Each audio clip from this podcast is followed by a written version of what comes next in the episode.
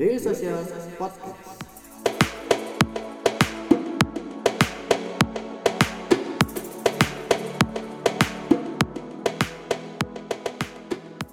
ini yang gua kalau ngelihat berkaca ke yang paling gampang. Kalau tadi kan lu contohnya kebanyakan sampo sampo ya.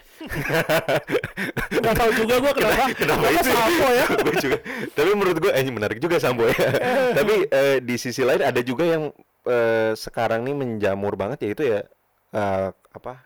Kopi susu. Oh, benar Wah itu juga. gila kan. Lu Mantap udah ngeliat banget ya fenomenanya banget. coffee shop apa bukan shop juga sih kadang-kadang emang cuman itu doang gitu cuman dia jual kopi nggak ada apa ya nggak ada tempat nongkrongnya tapi dia cuman emang jualan itu aja. Iya, iya. gue lupa istilahnya apa ya pokoknya ya kayak new retail new retail gitu lah ya Iya, iya, pokoknya iya, eh, mereka yang udah pakai aplikasi. Bahkan nggak ada aplikasinya kadang-kadang ya nebeng aja di GrabFood atau GoFood gitu.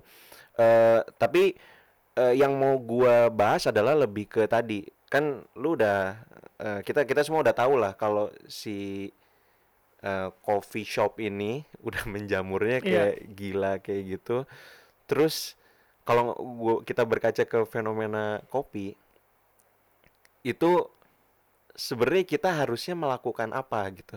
Udah nggak ada lagi kan sebenarnya. Itu semua udah yang di ya kita kalau sebut merek ya eh, menurut Nielsen aja udah yang top of mind tuh udah kopi kenangan tuh udah nggak ada yang nandingin gitu. Terus sekarang lu mau kejar-kejarannya pakai apa lagi gitu? Akhirnya yang gue lihat ada satu fenomena yang eh, menarik menjual story Ya.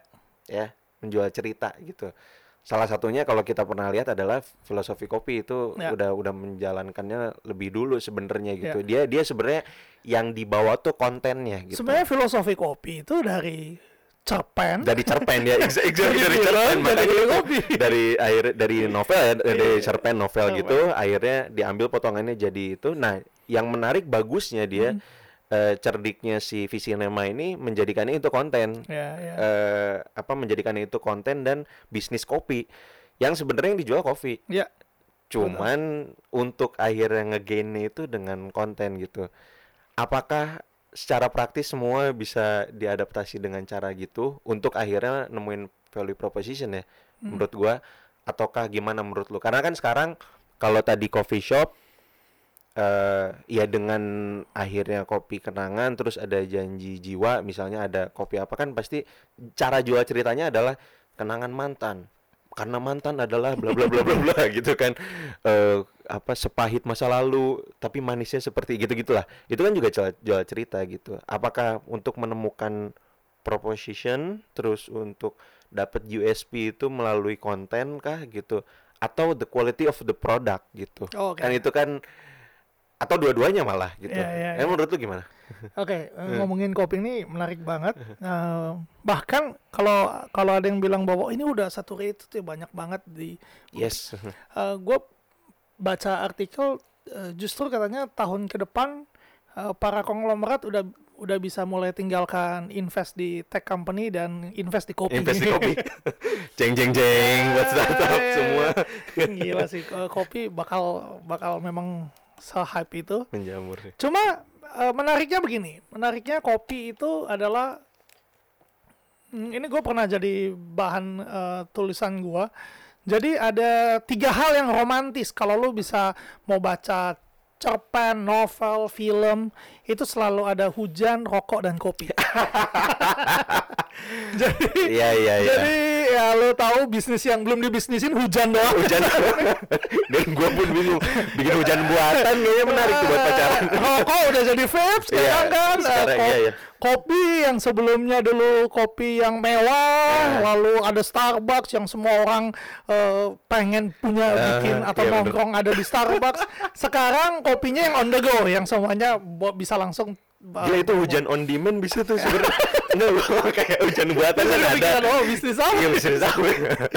Udah, jadi lanjut jadi lanjut. tiga hal tersebut. Nah, kopi ini eh, balik lagi. Gue selalu percaya dengan value, value proposition. Value itu kan selalu mulai dari diri kita ya. Yes. Kalau tadi apa eh, filosofi kopi, ya karena memang startnya dari film.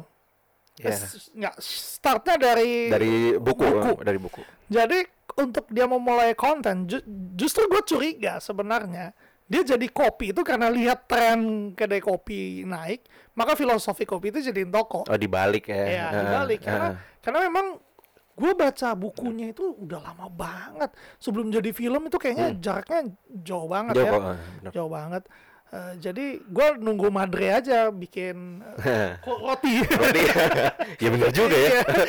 oh, ini habis ini Ma- Buat Visinema. eh, Ya, tolong uh, madrenya dibuat sekalian harus enak ya.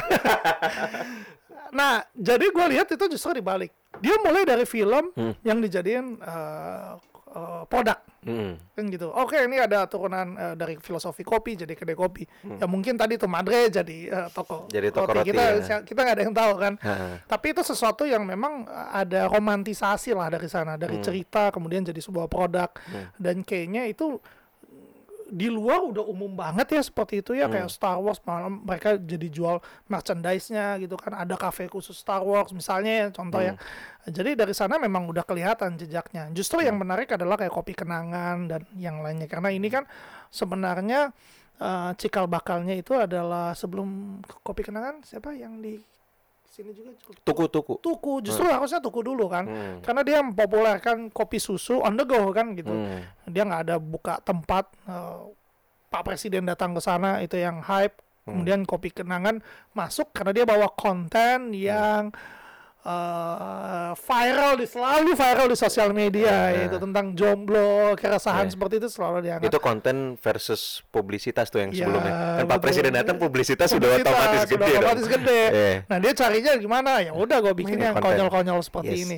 Nah kesalahannya adalah semua orang jadi ngikutin dia kiblatnya. Hah. Ada ada kayak janji jiwa, jiwa. ada yang belahan jiwa, apalah. Tonnya Oh, sana. dia ke sana semua. Eh. gue sampai pernah waktu gue lagi, lagi nyetir, gue ngobrol, kenapa nggak ada yang kan itu ton- tentang pasangan itu kan di sosial media hype-nya beberapa tahun yang lalu. Hmm. Sekarang kan tentang misteri. Harusnya bikin kedai kopi Iya. ada misteri dong. Kedai kopi setan gitu. Iya, pocong. itu kedai kopinya mesti pedes sih. Iya, beranak dalam gubuk. Iya, beranak Konten-kontennya seperti itu. Ah. Nah, itu kalau mau yang diincar adalah balik lagi profit, adalah ba- gimana gue jualan kopi. Hmm. Artinya apa? Artinya kontennya nggak sustainable. Eh, ko- produknya nggak sustainable. Sekarang kopi kenangan saya nggak nggak nggak nggak eh, berharap yang negatif gitu loh. Cuma ada waktunya di mana orang tuh udah malas mungkin ngomongin mengenai kenangan atau pasangan. Tapi kayaknya itu eh, nature-nya ini juga sih kan ada life cycle apa ya?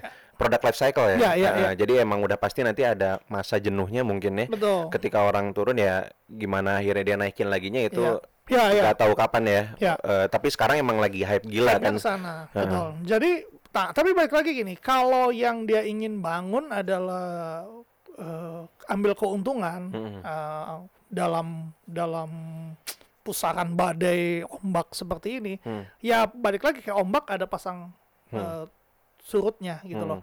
Tapi kita kan maunya bikin sesuatu itu yang sustainable gitu loh. Maksudnya sesuatu yang mungkin sampai sekian tahun ke depan eh, tetap ada. Tapi ada juga gue pernah ngobrol ada beberapa orang yang dia memang bangun bisnis hanya untuk setahun dua tahun ke depan. Dia nggak sustainable. Buat apa? Karena dia punya mimpi yang lebih besar. Ya itu jadi batu loncatan Atau aja. loncatan, Hmm. entah dia ngumpulin duit untuk sampai ke sana atau dia masih belum bisa saat ini. Hmm. Itu yang paling memungkinkan. Itu sah-sah saja. Jadi balik lagi sebenarnya apa sih yang ingin di ingin dicapai gitu loh dengan Hmm. produk tersebut? Karena ini mungkin agak lebih filosofi dikit value proposition itu kan mengenai apa yang lu percaya terhadap tujuan hidup lu kan gitu. Oke. Jadi eh, setiap contoh waktu itu gua ngobrol sama Rama, Hmm. eh, kutukan CEO atau eh, founder itu adalah masa sih nggak ada yang bisa bikin ini dan dia merasa kayak cuma gua doang yang bisa bikin ini lebih baik. Hmm.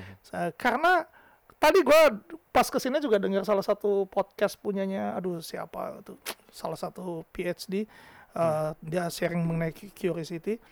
Eh, kita itu eh, hal yang paling nggak masuk akal dalam sains itu adalah bikin startup.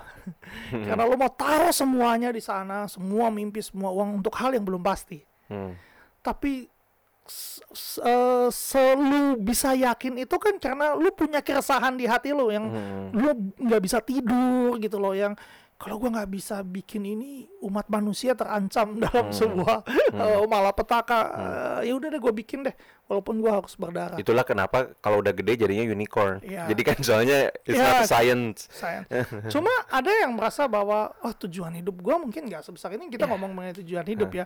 Gua hanya untuk bisa bertahan sampai besok deh. Hmm. Gua hanya untuk iseng aja bisnis utama gua udah ada. Gua Hmm. pengen nyoba-nyoba di kopi kan ada yang seperti itu. Ada yang bahkan gua pengen jadiin itu sosial eksperimen eksperimen gua. Hmm. Jadi gua baru tahu nggak semua bisnis jalan itu uh, memang begitu adanya gitu loh. Memang banyak banget pur- purpose-nya di sana. Hmm. Iya. Ada yang buat bantu keluarga, ada supaya istrinya yang penting ada aktif aktivitas sih. Oh, banyak banget teman gue bikin kedai kopi karena oh, orang tuanya sakit, ya mesti selalu ada di rumah, dia bikin lah di sana.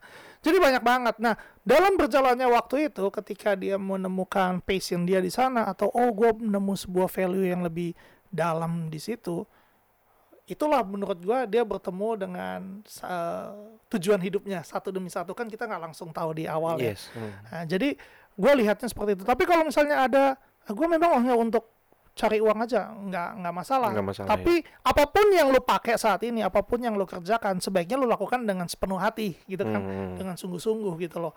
Karena hasilnya juga pasti jadi eh, intinya kerja keras nggak mengkhianati hasil. Yes.